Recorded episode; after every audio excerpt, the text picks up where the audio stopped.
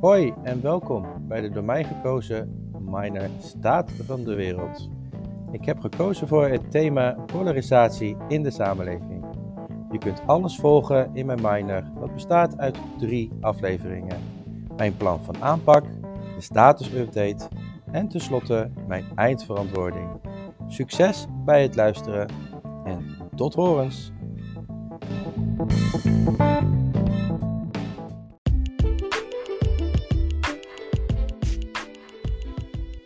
Hoi en welkom bij mijn status update van mijn polarisatie binnen de Nederlandse samenleving. Dit is mijn tweede deel van mijn minor in de staat van de wereld. Ik neem jullie even mee in de inhoud van mijn product. En dat begint met mijn motivatie, vervolgens de update van de inhoud, de analyse van de aanpak, een planning voor mijn komende periode ik sta even stil bij mijn sociaal en communicatief handelen. Een update over de vorm van mijn eindproduct. En als laatste omschrijf ik de competentie 5. Ik wens jullie veel succes in het luisteren en tot later.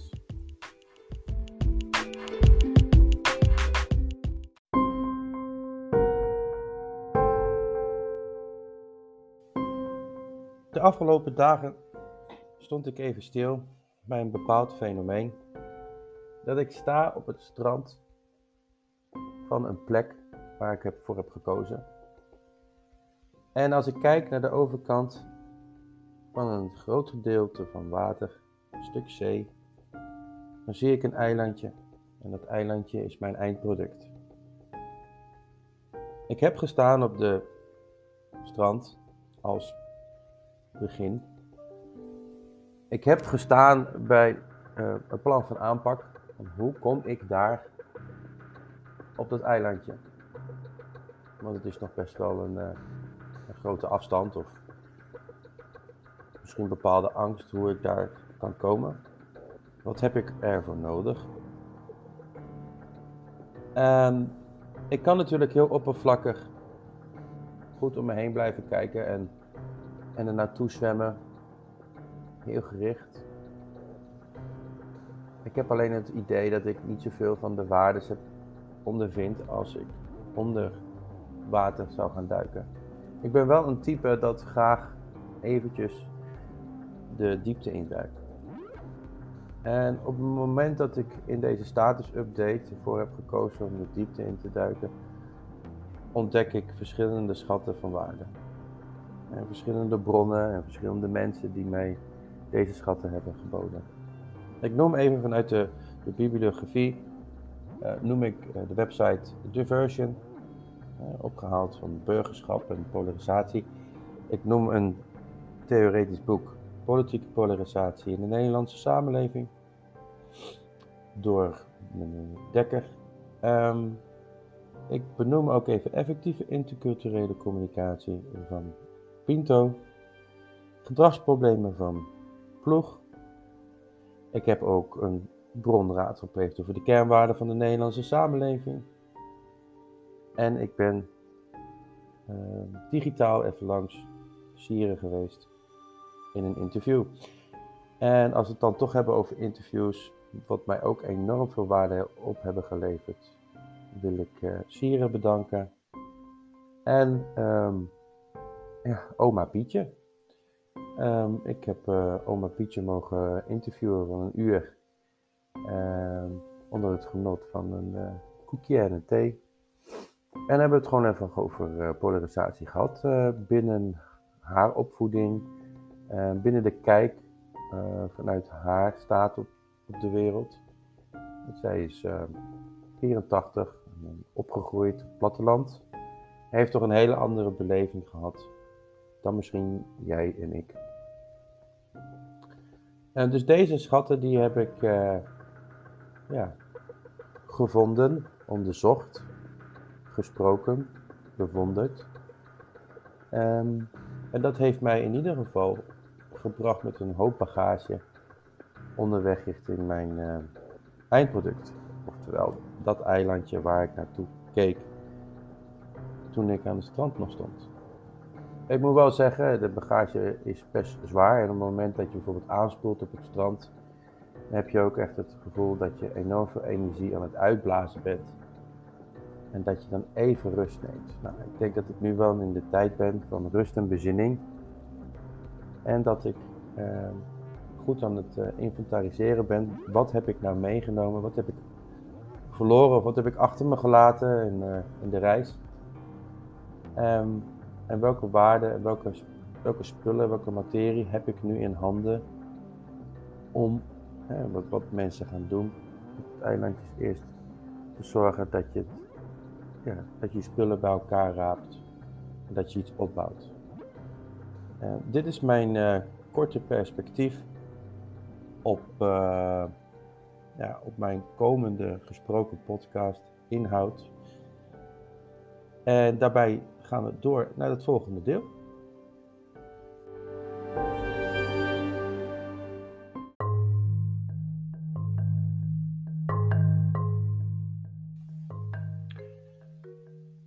...2.0, huidige motivatie. Beschrijf de motivatie die je hebt onderzocht, de voortgang die je maakt, de indeling van dagen en minor dagen. Waar ben je opgetogen over en waar bouw je van? En vooral heb je het idee om dit bij te sturen? Heb je vragen op dit vlak wat je met ons wilt delen? Of wat ik met jullie wil delen? Dit gaat vooral over de aanpak als over goed voor jezelf zorgen. Nou, mijn antwoord hier op deze huidige motivatie is dat mijn motivatie wekelijks is gestegen, omdat ik namelijk ook verbanden heb uh, gezien in mijn onderzoek. Ik merk het bijvoorbeeld op bij een simpele verjaardagsfeestje waarbij mensen elkaar proberen te overtreffen in gesprekken. Heel snel in een soort, ja, elkaar proberen te overtuigen. Ik merk het op in mijn werk als ik aan het vergaderen ben. Wie de hardste stem gebruikt, wil zich heel graag ja, laten zien of laten horen. Ik word daar onzeker van, waardoor ik zelf weer moeilijk uit mijn eigen woorden kom. Ik heb vertrouwen in de aanpak die ik nu toepas. En ik baal er soms wel van dat sommige organisaties mijn uh, uitnodiging om een interview te hebben, uh, hebben afgewezen. Maar ja, dat is uh, een keuze. Ik ben daarentegen wel weer blij voor de mensen die um, mij een kans hebben geboden. Ik ga gelijk door naar een stuk 4.0. Dat gaat over de analyse van mijn aanpak. Werkt het wat ik aan het doen ben? Wat ging er goed? Wat kostte moeite? Wat stimuleerde mij? Wat vind ik spannend? Ben ik zelfsturend? Uh, heb ik nog wel de regie? Hoe gaat het met het bijhouden van mijn journals, mijn onderzoek en inzichten? Daarop heb ik geantwoord: Ik ben op dit moment mijn theorie aan het afronden, wat ik eigenlijk op dit moment eigenlijk al heb gedaan. Ik ben een, uh, toch nog even ja, de stoute schoenen aangetrokken om een boekje te lezen over wat mag ik tegenwoordig nog wel of niet zeggen in de maatschappij. Want als het gaat om taal, wat, wat, wat stoot mensen, wat, wat is beledigend, wat kunnen we anders vertalen, um, omdat we toch weer in een hele vernieuwde samenleving zitten. Ik ben op dit moment dus eigenlijk best klaar met mijn theorie. Ik heb het nodig om later de essentiële en rode leidraad te herkennen en te koppelen met elkaar.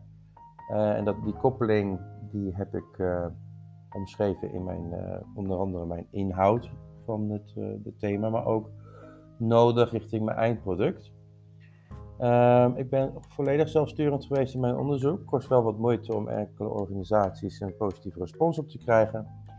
Maar met goed geluk ook een goed gesprek gehad met, mijn, uh, met de voorzitter van Sieren. Uh, dit is trouwens eh, te horen apart in de podcast van een uur. En daarbij heb ik ook een oma van 84 mogen interviewen. Uh, wat ook in de podcast te luisteren is door jullie. En ik heb een jonge student uit mijn omgeving binnen mijn klas een keer apart gesproken wanneer hij een uitspraak deed over haat. Uh, op iemand die anders geaard was.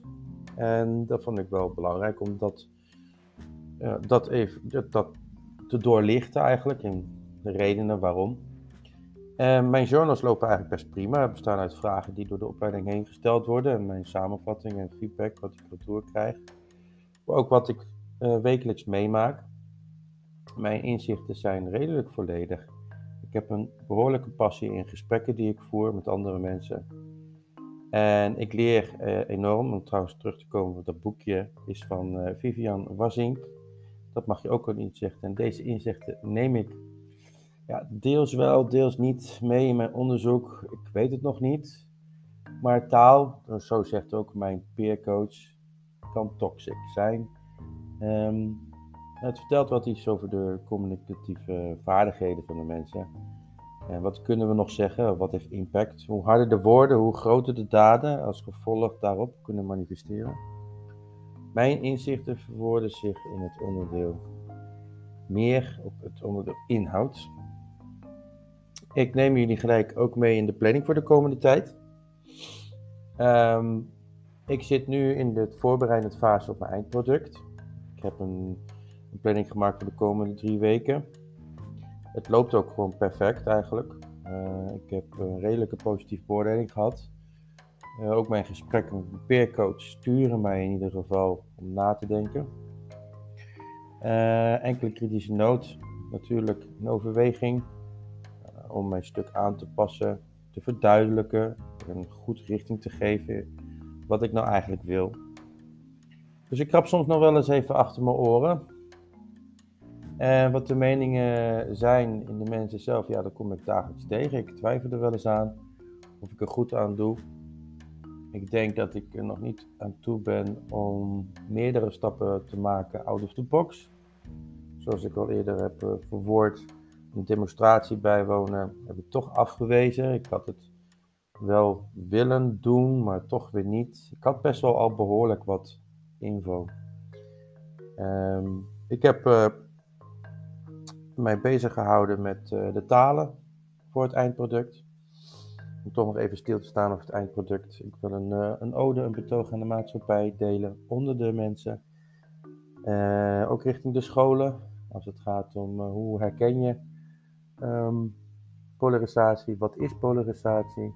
welke uh, omgangsmanieren en omgangsvormen kunnen we ons bewust op uh, veranderen binnen uh, onze socialisatie.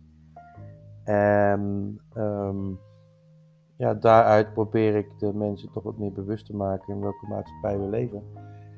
En hoe wij naast elkaar kunnen staan. De talen waarin het gesproken gaat worden is Portugees, Duits, Nederlands, Engels, Frans, Marokkaans, Turks en Antilliaans. En ja, ook die planning is, uh, uh, verloopt goed. Ik heb recentelijk nog een, eh, een dichter mogen spreken in mijn netwerk. Waarbij ik misschien, als, het prijs, als de prijs klopt, dat ik een betoog ook door een dichter laat ontwerpen. Maar ja, daarover natuurlijk later wat meer. Als ik ga naar 6.0, sociaal en communicatief handelen voor wie heb je de afgelopen tijd hulp gehad en de komende tijd nog? Een blik terug over de afgelopen tijd. Um, denk hier ook aan de mensen en betrokkenen om mij heen. Hoe hebben ze mij geholpen? Mijn antwoord is: uh, ik heb de afgelopen tijd mensen benaderd die mij kunnen helpen te vertalen richting het eindproduct. En tijdens mijn groeiproces heb ik ook mogen leren dat taal wel een dingetje kan zijn. Het gevoel, plek waarin mijn ode ingesproken wordt en het taalniveau ik denk dat een uh, algemene taalniveau naar hoger niveau eerder begrijpelijk uitpakt dan andersom. Ik heb de juiste mensen op het gebied van de Nederlandse taal binnen het onderwijs. Ik heb nog geen hulp gevraagd uh, dan dat ik de mensen zo nu en dan spreek over algemene onderwerpen die raakvlakken hebben over polarisatie. Uh, ik ben erop gewezen door mijn coach om cursussen, trainingen vanuit het HU verboden te gaan onderzoeken Um, ik heb gebruik gemaakt van een specifieke interview. En binnen een student binnen mijn onderwijs. En deze student heeft een keer tijdens de les een uitspatting gedaan richting een, uh, een ander genderpersoon. En uit het interview is ook gebleken dat het niet persoonlijk bedoeld was. Hij geen direct besef had over de gevolgen die hij uitsprak. Uiteindelijk gaf hij ook aan dat het een impulsieve uitspatting was geweest. Hij benoemde ook letterlijk: Ik haat zulke mensen. En ik vond dat zo gevaarlijk en betrekkelijk op de veranderlijke omgeving dat ik het noodzakelijk vond om met hen hier een gesprek over te gaan. Aan het einde van deze podcast zul je ook een fragment deel hiervan horen. Um, over mijn eindproduct, ja, ik heb daarin um, als 7.0 eindproduct update al best wel wat over verteld. Uh, mijn eindproduct is een visitekaartje, ontwikkeld in verschillende talen. En door het te verspreiden onder de bevolking wil ik een soort kettingreactie veroorzaken.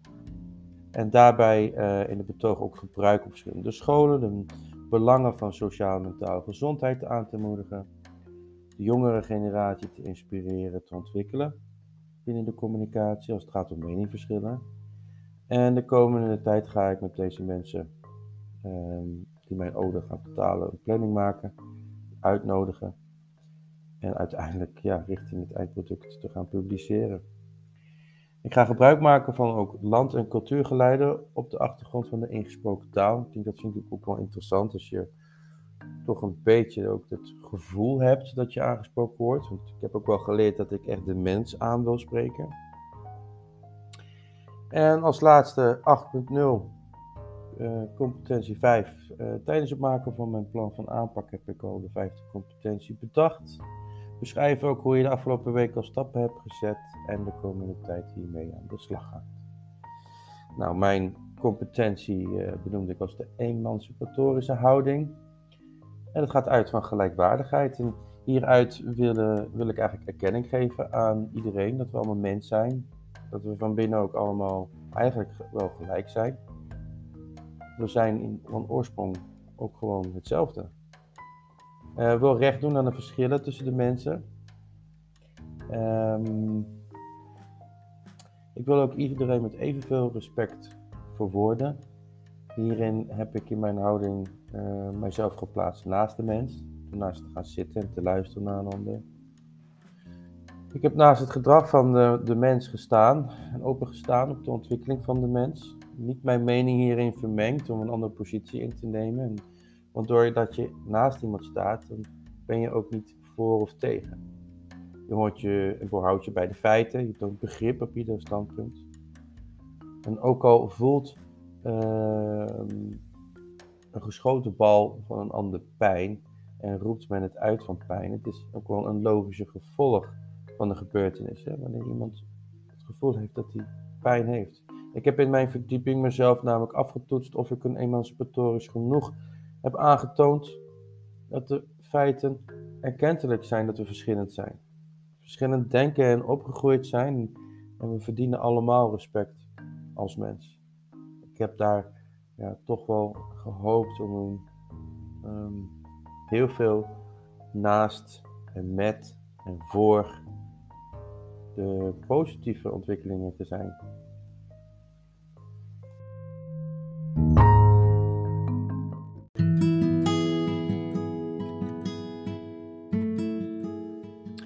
Ik wil even stilstaan bij de twee interviews um, die ik heb gedaan.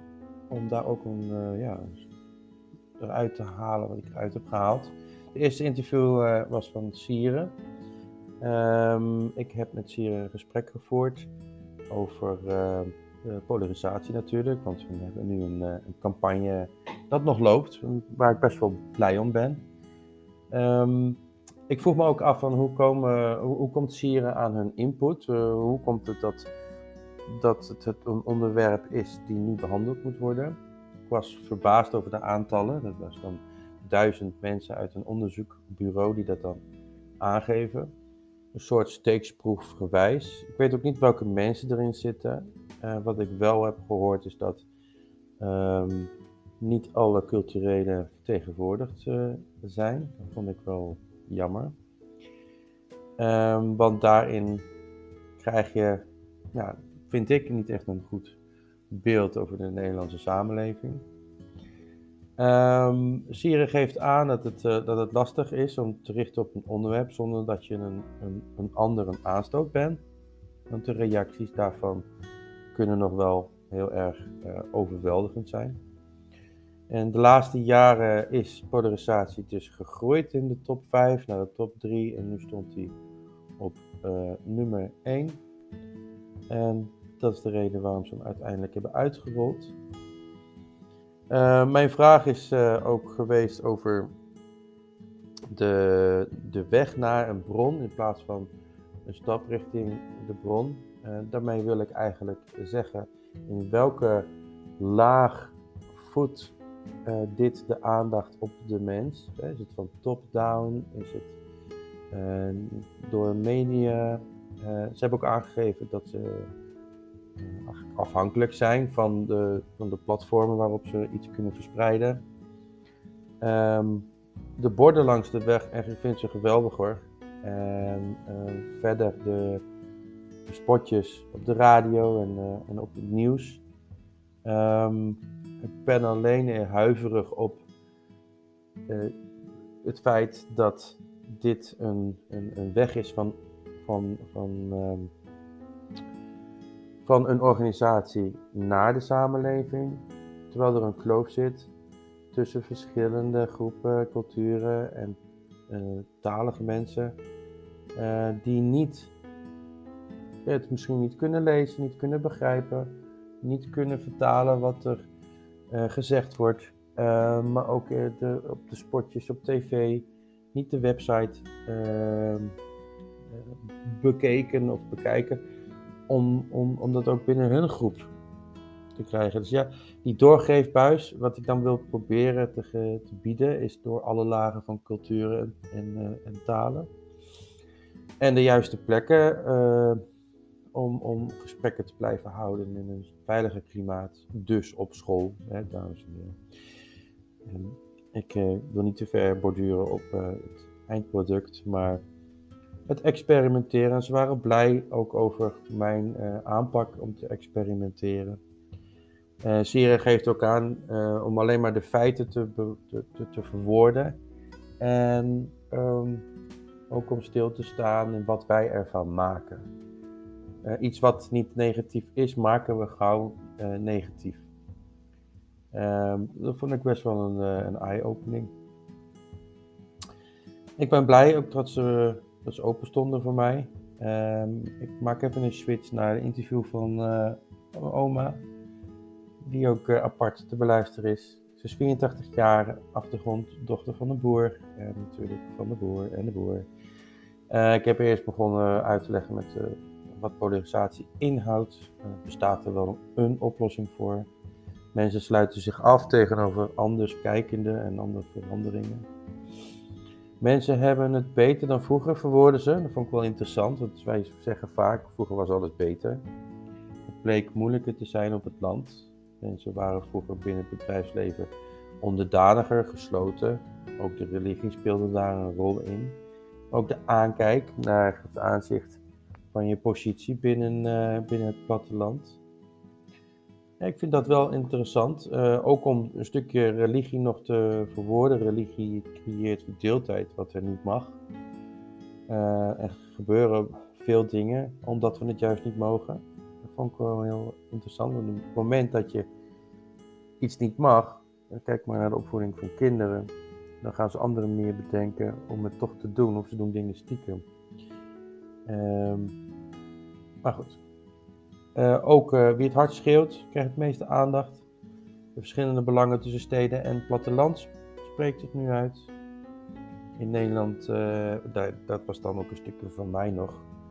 Van is het, wat is ons land? Het, ehm, Nederland, Nederlandse samenleving, we leven samen in een land. Maar is het land wel van jou? Is het, jou, is het jouw wijk? Is het, is het jouw eigendom? En op het moment dat we zo'n weerstand uitspreken tegen andersdenkenden of, of, of, uh, of, of migranten of vluchtelingen, dan lijken we ons te verdedigen voor iets wat eigenlijk niet van onszelf is. Ja, we wonen en we mogen blij zijn dat we in Nederland wonen, maar het is niet je eigendom. Dus dat is uh, even kort samengevat iets over de interviews. Ik wens u trouwens veel succes bij het luisteren ervan. Ze zijn allebei een uur. Dus mocht je ergens uh, even je headset of je oordopjes in willen doen. In de trein zitten, in de auto. Succes!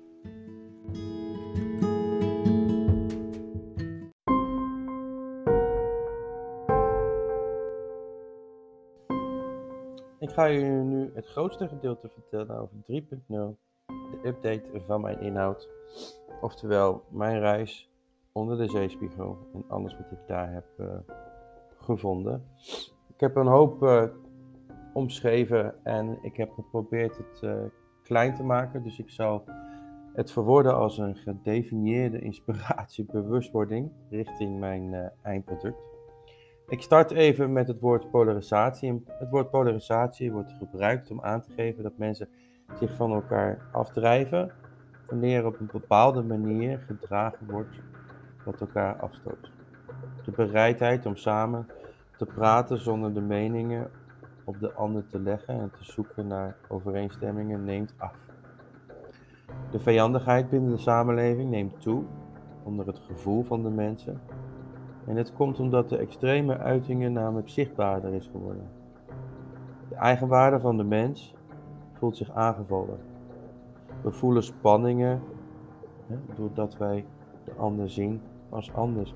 Hierin merk ik op dat de bevolkingsgroepen elkaar omhelzen wanneer men soortgelijke meerstemmigheid, gelijke meningen en gedragingen hebben. En daarin merk ik ook dat we veel van elkaar afstaan. Door de plekken en de momenten te benutten is het raadzaam om de kloven te herstellen door het gesprek aan te gaan. Zomaar, dat zal niet gebeuren. Dus op een plek waar je niet omheen kunt. School bijvoorbeeld. Of juist wel aan de eettafel. Echter de samenstelling op een school, omdat je de verschillende mensen op één plek hebt in een veilige klimaat. De communicatie tussen mensen is en kan best lastig zijn. Omdat iedereen zijn eigen, in een eigen bubbel leeft en niet taalvaardig genoeg is. Vooral gelooft in zichzelf. Wat ik om mij heen merk en hoor is dat mensen klaarstaan met meningen. Meningen in een dialoog of soms wel een discussie. Een discussie is niet verkeerd, maar met welk, met welk doel voel je dat?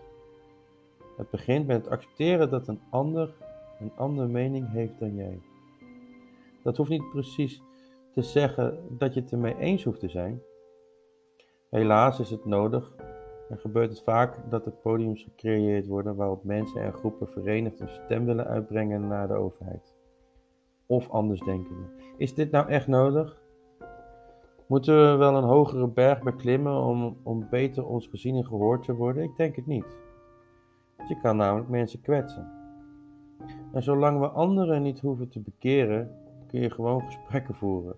De woorden, beelden om ons heen doen eigenlijk het werk al vanzelf. We kunnen wat meer gas terugnemen. Het is net als in het verkeer. We kunnen niet allemaal 100 rijden. Soms moet je even iemand inhalen. Maar op het moment dat, je 140, dat iemand 140 rijdt, dan gaan we er wat van vinden. En terecht, want dat kan jou persoonlijk in gevaar brengen. Maar wat als je nou iets ziet of meemaakt wat jou niet in gevaar brengt? Moeten we dan altijd een mening uiten? Moeten we dan altijd uiten als mensen zich anders gedragen? Moet dat? Er schuilt een gevaar in de mens, hoe ze zich voelen op het moment dat er inbreuk gemaakt wordt op hun eigen normen en waarden. Het gevoel dat je ingesloten wordt en dingen niet meer kunt uiten, of mag zeggen, of zelfs niet meer mag doen. Een voorbeeld hierin is bijvoorbeeld Sinterklaas. Ten eerste is Sinterklaas een overgewaaide traditie, net als vele andere. De Zwarte Pieten discussie komt uit de hoek van mensen die opgekomen zijn voor de woorden waarin racisme geen plek biedt. Begrijpelijk, maar niet voor iedereen. De keuzes hierin is de tolerantie naar elkaar, het geven en nemen. Wat water bij de wijn doen, concessies maken, de gulden middenweg zoeken. Je hebt nu ook tegenwoordig ook ander uh, benoemde Pieten. Regenboogpiet. We kunnen over alles wel een discussie maken. Moeten wij onze tradities loslaten? Aan de andere kant vraag ik me af, moeten we ook nog in de oude tradities blijven? Als we van alles een discussie maken, zal er ook heel veel versplinteren. Een voorbeeld van thuis. Als je heel veel um, huisregels opstelt voor je kinderen, dan voelt het voor het kind dat het met veel dingen eens of oneens kan zijn, maar noodgedwongen op moet volgen.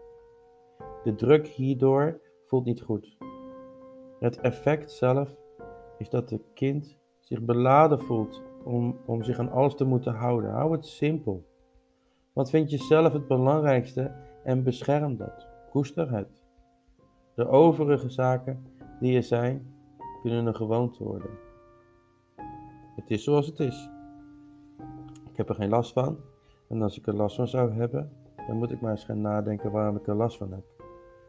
Misschien heb ik zelf wel een probleem en is het niet te verwijten aan de ander.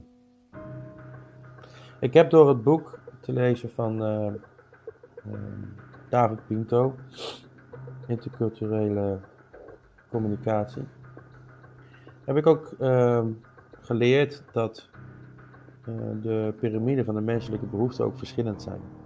Ook in verschillende culturen. Ik benoem het even omdat we onvoldoende kennis hebben in een ander. En dan zal de een zeggen: Ik heb geen behoefte aan kennis van de ander. Maar dan wel een uitgesproken mening hebben over de ander. Ik vind dan wel mensen, als we een uitgesproken mening hebben, dat we ook ons meer mogen verdiepen in de ander. Uit deze theorie merk ik op dat we wel elkaar binnen de maatschappij nog onvoldoende kennen of kennis hebben van de verschillende culturen. We leven in een generatie waar we allemaal langs elkaar heen lopen en soms zelf elkaar vermijden. Ik wil de bewustwording van vermijden benadrukken. Verschillende menselijke behoeftes die niet overeenkomen met die van jou of je buurman. Persoonlijke voorkeur en waarden waarin we nog niet eens goed begrijpen waarom. We vooroordelen anderen en vermijden zelfs anderen. De mate van elkaar afstoten is de mate van onbegrip en onwetendheid. Wat meer interculturele workshops, documentaires, boeken, gesprekken en alle activiteiten kunnen bijdragen aan de juiste communicatie en begrip met elkaar. Logisch dat je elkaar opzoekt hè, onder elkaar, want dan voel je je namelijk ook veilig bij. Onlogisch is het effect van een groepsbubbel dat daar ontstaat.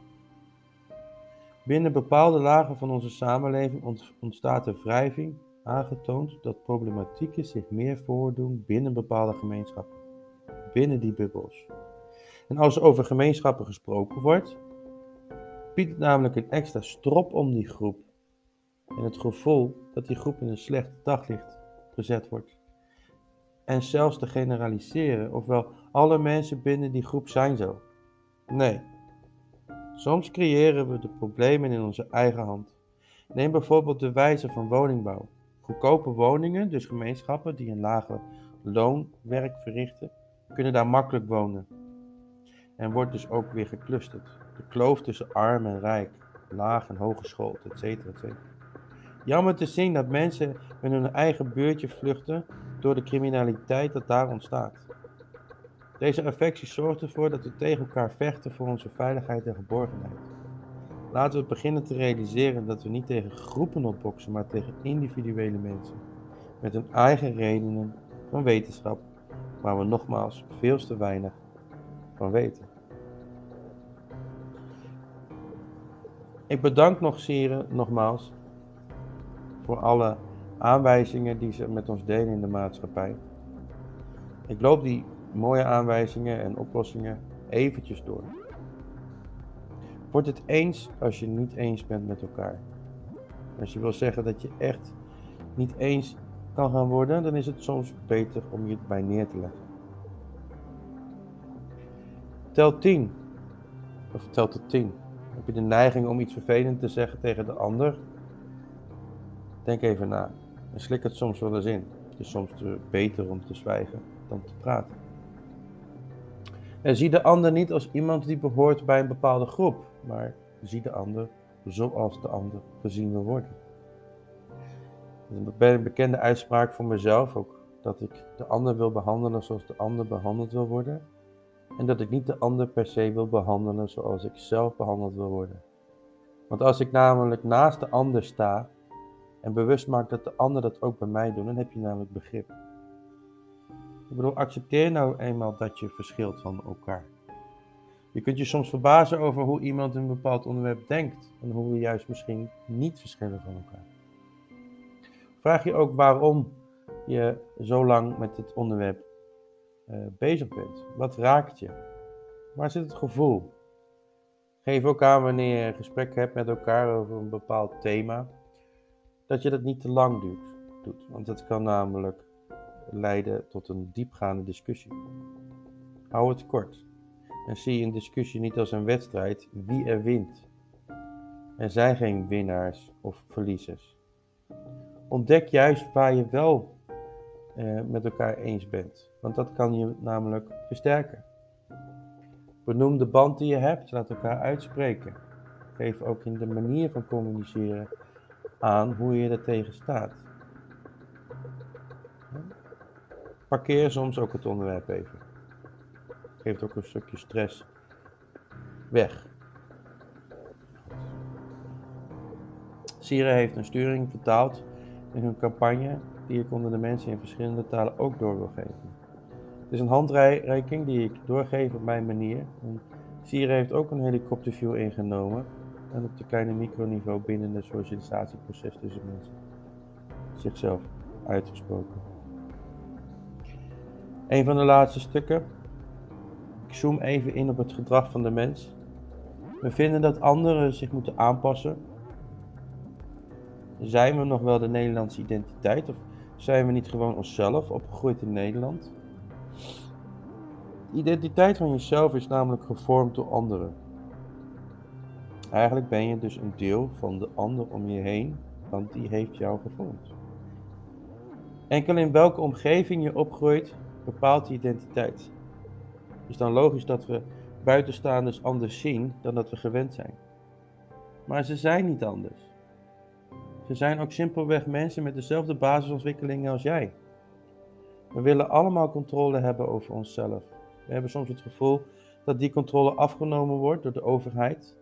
En zelfs het gevoel dat de kaas van ons brood gegeten wordt. Of tegenwoordig misschien wel onbetaalbaar voor sommigen. Dan moeten we niet raar staan te kijken als Nederland in verzet gaat. Kijk maar eens naar de omliggende landen, zoals het pensioenthema in Frankrijk.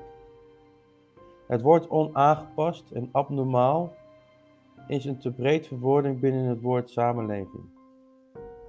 Wie moet zich op wat aanpassen? En wat voor de een normaal is, wordt door de ander abnormaal bevonden. Kernwaardes van de Nederlandse samenleving is niet de mens, maar voor de mens democratie, is het echt werkelijk zo dat iedereen mee mag beslissen?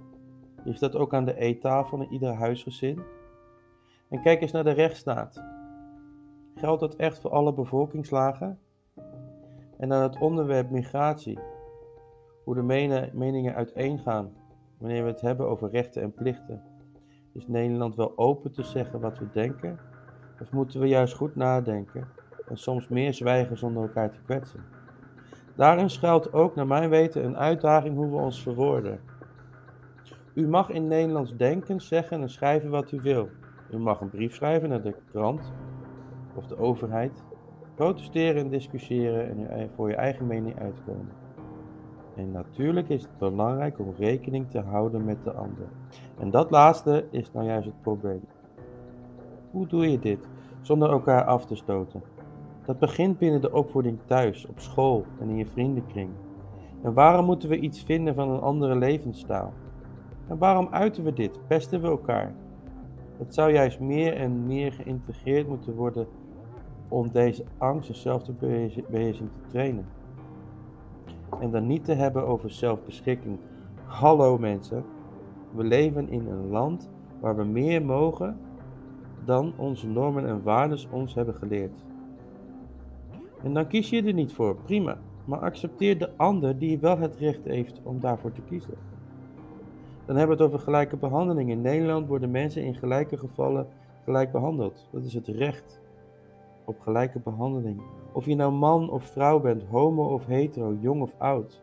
En of je nu in Nederland geboren bent of in een ander land. Gelijke behandeling betekent dat voor iedereen in Nederland hetzelfde regels gelden.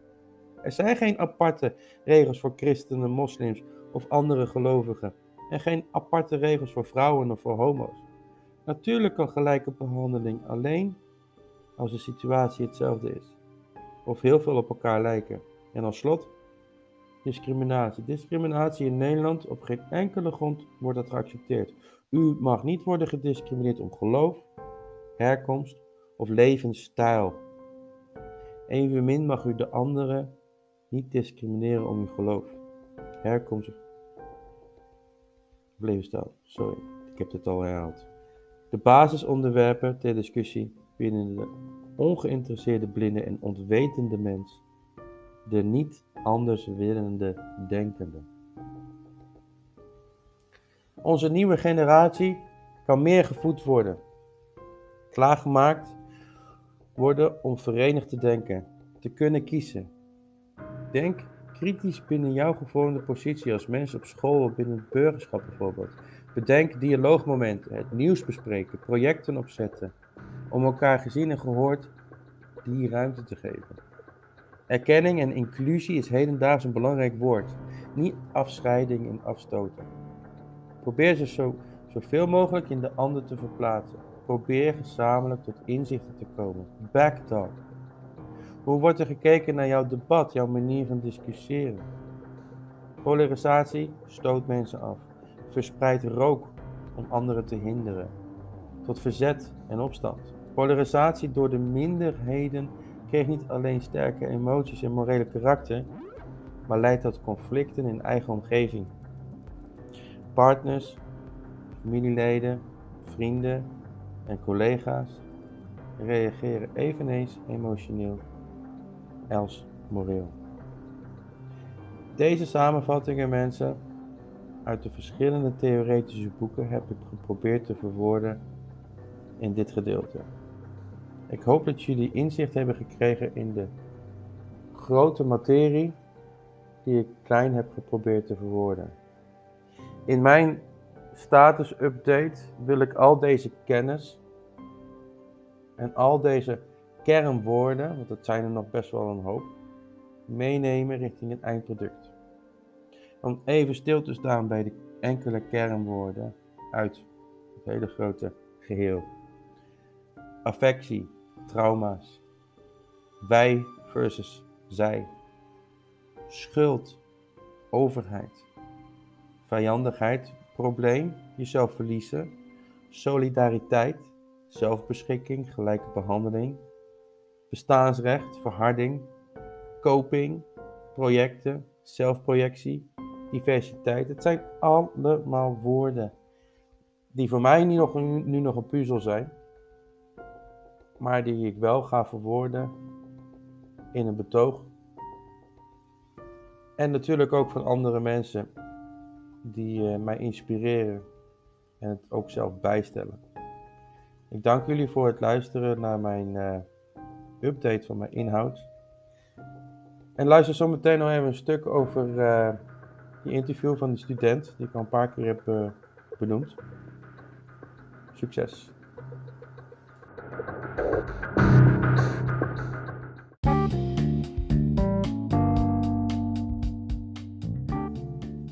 Ik wil jullie alvast bedanken voor het luisteren naar mijn podcast Miner deel 2.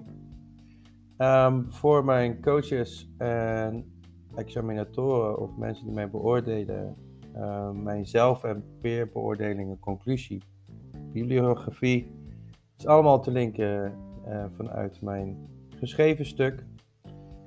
Um, en alle bijlagen van mijn stuk zijn voor mij inspiratie geweest om deze podcast te ontwikkelen. Uh, ik wil jullie als slot meenemen in een stukje interview met die student die de uitspraak van haat eh, gaf tegen, zo zei hij, zulke mensen. Luister er goed naar en haal eruit wat ik ermee probeer te bereiken. Is dat we te snel geneigd zijn om dingen te zeggen wat we eigenlijk niet menen eigenlijk niet zeggen wat we eigenlijk wel behoren te zeggen. Of anders zouden kunnen vertalen. Um, mijn volgende moment die ik met jullie samen weer heb is uh, deel 3. En dat is het laatste deel van mijn, uh, van mijn miner. Mijn update eindproduct slash afronden eindproduct. Dank jullie allemaal voor het luisteren. Succes met het luisteren van het laatste stukje. Tot de volgende keer.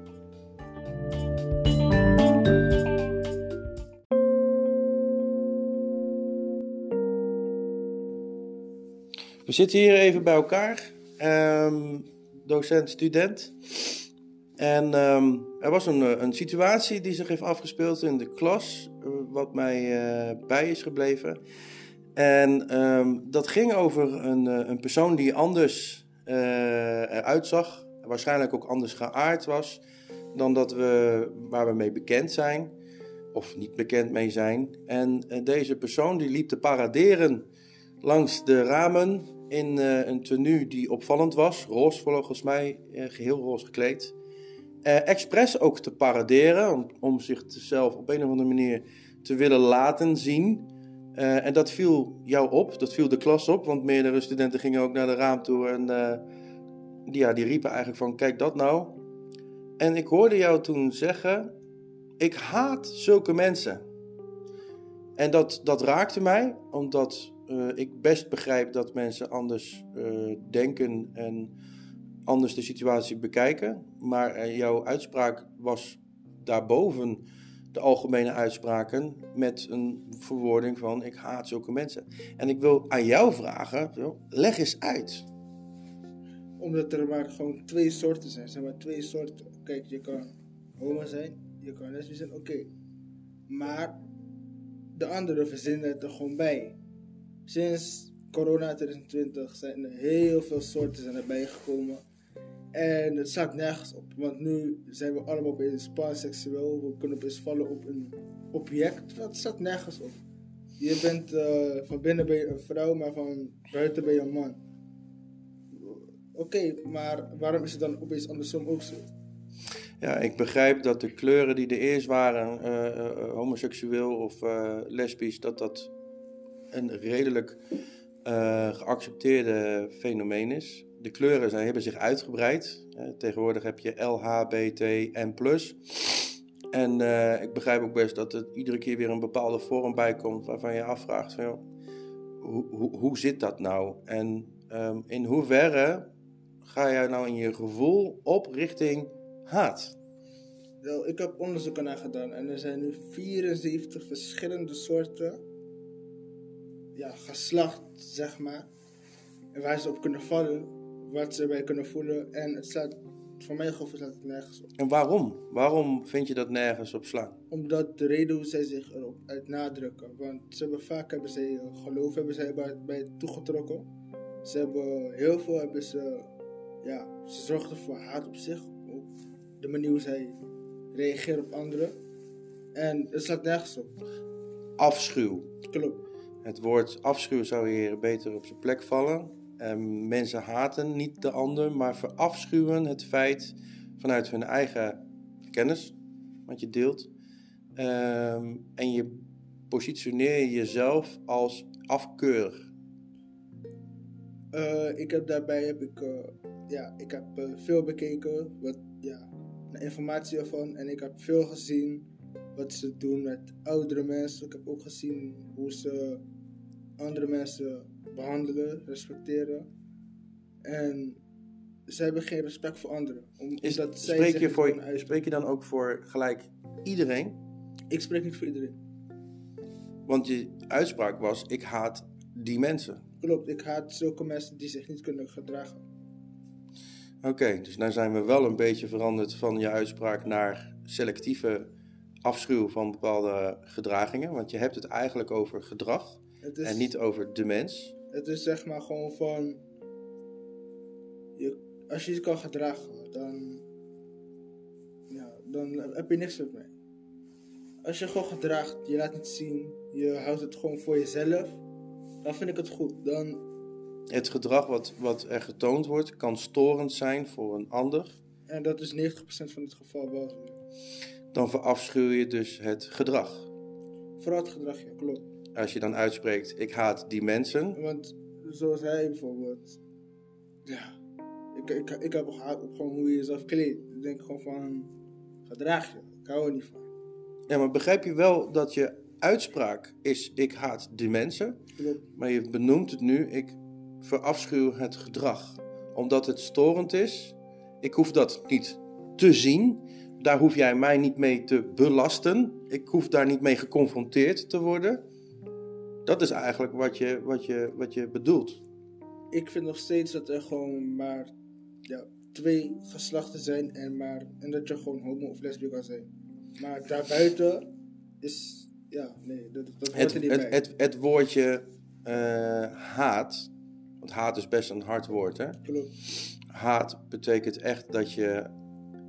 ehm en, en- en stel je voor, iemand heeft jou of geweld aangedaan, dan ben je geneigd om ook geweld terug te doen in een bepaalde hoedanigheid van boosheid. En ook een soort haat om iemand eh, geweld terug te willen doen. Als je nou zo'n zo'n persoon nou niet hier op school was tegengekomen en die komt bij jou in de buurt hangen of zelfs dichtbij je en je hebt het gevoel, ik, ik, ik wil mijzelf verdedigen hierin, want ik wil daar niet mee in, in, in geconfronteerd worden. Hoe zou je dan reageren? Het feit dat eh, zulke mensen zich gebruiken, zeg maar, als, eh, ja, hoe zou ik dat zeggen? Ehm, deze mensen gebruiken vaak het, het geslacht, zeg maar, als verdediging, zeg maar. Ze, ze alles op ons, zeg maar, en niet op zichzelf. Hoe zij zich eh, laten behandelen. Want, ja, ze laten zich behandelen en ze, reageren allemaal op anderen af, zeg maar. Maar zou jij geneigd zijn om eh, het geweld wat je ziet, want eigenlijk zie jij in het zicht dat jouw geweld aan wordt gedaan. Ja, dat, dat kan ook. Hè. Daar waar je naar kijkt, kan ook geweldigend of overweldigend op je netvlies staan. Dat, dat wil je niet, daar heb je niet voor gekozen, dat overkomt je. Maar hoe, hoe ga je er dan mee om? Hoe, hoe, hoe verweer je dan tegen wat je ziet? Ik negeer het, ik loop door. En als zo'n persoon nou dicht bij je komt hangen of eh, jou eh, lastig valt, dan zou je hem behandelen zoals ieder ander. Dat sowieso. Maar ik eh, ontwijk zulke mensen gewoon het meest gewoon. En als een persoon nou aan de overkant loopt, dit was nog best wel dicht bij een klas, dan kan ik best wel begrijpen dat mensen daar van, van opstaan. Zou jij ook geneigd zijn om, om eh, deze personen eh, uit te roepen, uit te schelden of na te roepen? Nee, Of laat je het echt gewoon langs je heen gaan? nee ik laat het langs mij gaan. Als je nou kijkt naar de uitspraak die je deed, eh, hier in de klas, zou jij je uitspraak dan de volgende keer ook nuanceren, veranderen naar een andere uitspraak? Als het zou kunnen, zou ik het altijd doen. Wat zou dat dan zijn? Ik zou niet eens iets uitroepen. Maar soms is het gewoon het geval van dat Gevoel. Klopt. Gevoel. En, en, en wat gebeurt er, wat is het risico als veel mensen eh, haat uitspreken? Het is niet het gevoel dat mensen haat uitspreken. Het is gewoon van... Maar wat is het gevolg als mensen, als meer mensen eh, haat uitspreken, als meer mensen in, een, in deze eh, vijandige houding uitspraken doen? Wat, gebeurt, wat is het risico er dan van? Er is sowieso al veel haat in deze wereld. Altijd is al haat geweest, zeg maar. En het feit dat we haten op zo'n, ja, op zulke mensen, is ook gewoon vaak gehaat op, ja, bijvoorbeeld, laten we zeggen Marokkanen of op, op ons bijvoorbeeld. En uiteindelijk hebben wij ervoor gestreden, maar we houden ons er niet op van dat we het gaan misbruiken. Dat hebben zij wel gedaan. En daarop is mijn, zijn hun consequenties ervoor, is het niet mijn zorgen voor. En dan maakt het mij niet echt uit hoeveel zij worden gehaat. Zou je haat ook omzetten in geweld? Nee, Zou het aanstekelijk zijn voor andere mensen om door jou of andere uitspraken van andere mensen die misschien dezelfde uitspraak hebben gedaan, om wel over te gaan tot geweld? dat zijn hun consequenties. Jij zou dat niet doen. Nee, Sta je wel in voor de consequenties wat een ander doet op basis van jouw uitspraak? ik sta erop in om in ieder te kunnen helpen wat het gevolg is van mijn uitspraak. Begrijp je dit gesprek? Ja, ik begrijp het. Ik vond het een goed gesprek. Ik vond het een interessant gesprek. Ik ook. En ehm, En ook al wist ik dat ik aan deze hand zat te verliezen, maar nee, nee, nee. Het is hier geen win of verlies. Ja. Ik merk op dat eh, jouw uitspraken is te, te snel op de mens en niet op het gedrag. Terwijl je eigenlijk het gedrag bedoelt. En als wij eh, het persoonlijk maken op de mens, dus stel je voor ik heb iets tegen jou, dan zou jij bozer reageren dan dat ik jou op je gedrag bekritiseer. Als ik tegen jou zou zeggen, doe die telefoon weg, dan begrijp je dat. Maar als ik tegen jou zeg, hey sukkel, doe die telefoon weg, dan wordt het persoonlijk. dat ligt eraan. Want het meest, ja, vaak kan het van af laten glijden. En soms zijn er momenten van dat het niet lukt, maar het meeste van die zulke dingen kan ik me vaak gewoon ergens inhouden. Gewoon van, ik weet gewoon dat het soms niet waard is. Waar heb je zo'n eh, stevige positie aan te danken? Dat is echt wel mijn laatste vraag hoor. Want hoe durfde jij die uitspraak te doen? Er zijn ook zat mensen geweest die gewoon zoiets hebben van... eh, Oké, weet je, ik laat maar.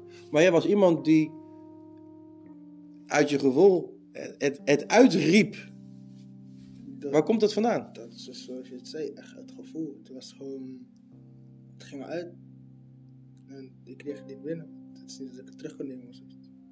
Het ging eruit en ja, Dat zegt wat over degene, eh, dat, dat zegt wat over jou. Het, het, het gevoel onder controle hebben of niet. Want eigenlijk verloor je je controle op je gevoel, waardoor je het uitsprak. klopt. Heb je daar enig idee waar dat vandaan komt? Je controle verliezen en je laten gaan in een uitspraak. Eh, Of word ik nou te persoonlijk? nee, nee, ik voel niks persoonlijks aan. Ik voel het echt aan als een heel gesprek gewoon. En het gaat, ik voel het nergens het naar mij toe. Nee, maar het kan zijn dat je denkt van ja, weet je, eh, het komt bijvoorbeeld door mijn opvoeding. Of het komt voor dingen die ik heb meegemaakt. Of het komt weer daardoor en zus. Weet je, die, de mate dat mensen hun controle, eh, emoties niet kunnen beheersen. door zijn controle te verliezen en zo'n uitspraak te doen. komt ergens vandaan. Eh, nee, normaal gesproken kan ik mij overal tegen bieden. Ik heb mij daarvoor heb gewoon sterk kunnen zetten. Ik kan eigenlijk tegen alles kan ik gewoon tegen. Ik kan, al, al, al zou ieder soort situatie zijn, ik kan mezelf gewoon rustig houden. En dit was gewoon een, eh, eh, hoe zou ik dat noemen? Mm, dat- zonder na te denken, zeg maar Impulsief. impulsief was een impulsief uitspraak. Dat, dat is het gewoon. Want normaal gesproken zou ik mij gewoon. Want ik word nergens boos. Als ik boos ben, ben ik na zo vertellen ben ik weer rustig. En het is weer oké. En als je nou vaker zo'n moment of zo'n situatie tegen zou komen. Zeg maar, elke vrijdag paradeert deze persoon langs de ramen. Uiteindelijk eh, heb ik mezelf geleerd om het niet meer op te letten, maar om het te negeren. Na loop der tijd. Dankjewel voor het gesprek. Geen probleem. Ik vond het fijn om even inzage te hebben in eh, de reden hoe en waarom je een uitspraak doet. Ik begrijp er ook wat meer van. Ik vond het ook fijn dat je zelf aangeeft dat je je in hebt verdiept. Dat vind ik een compliment waard. Thank you. Geen.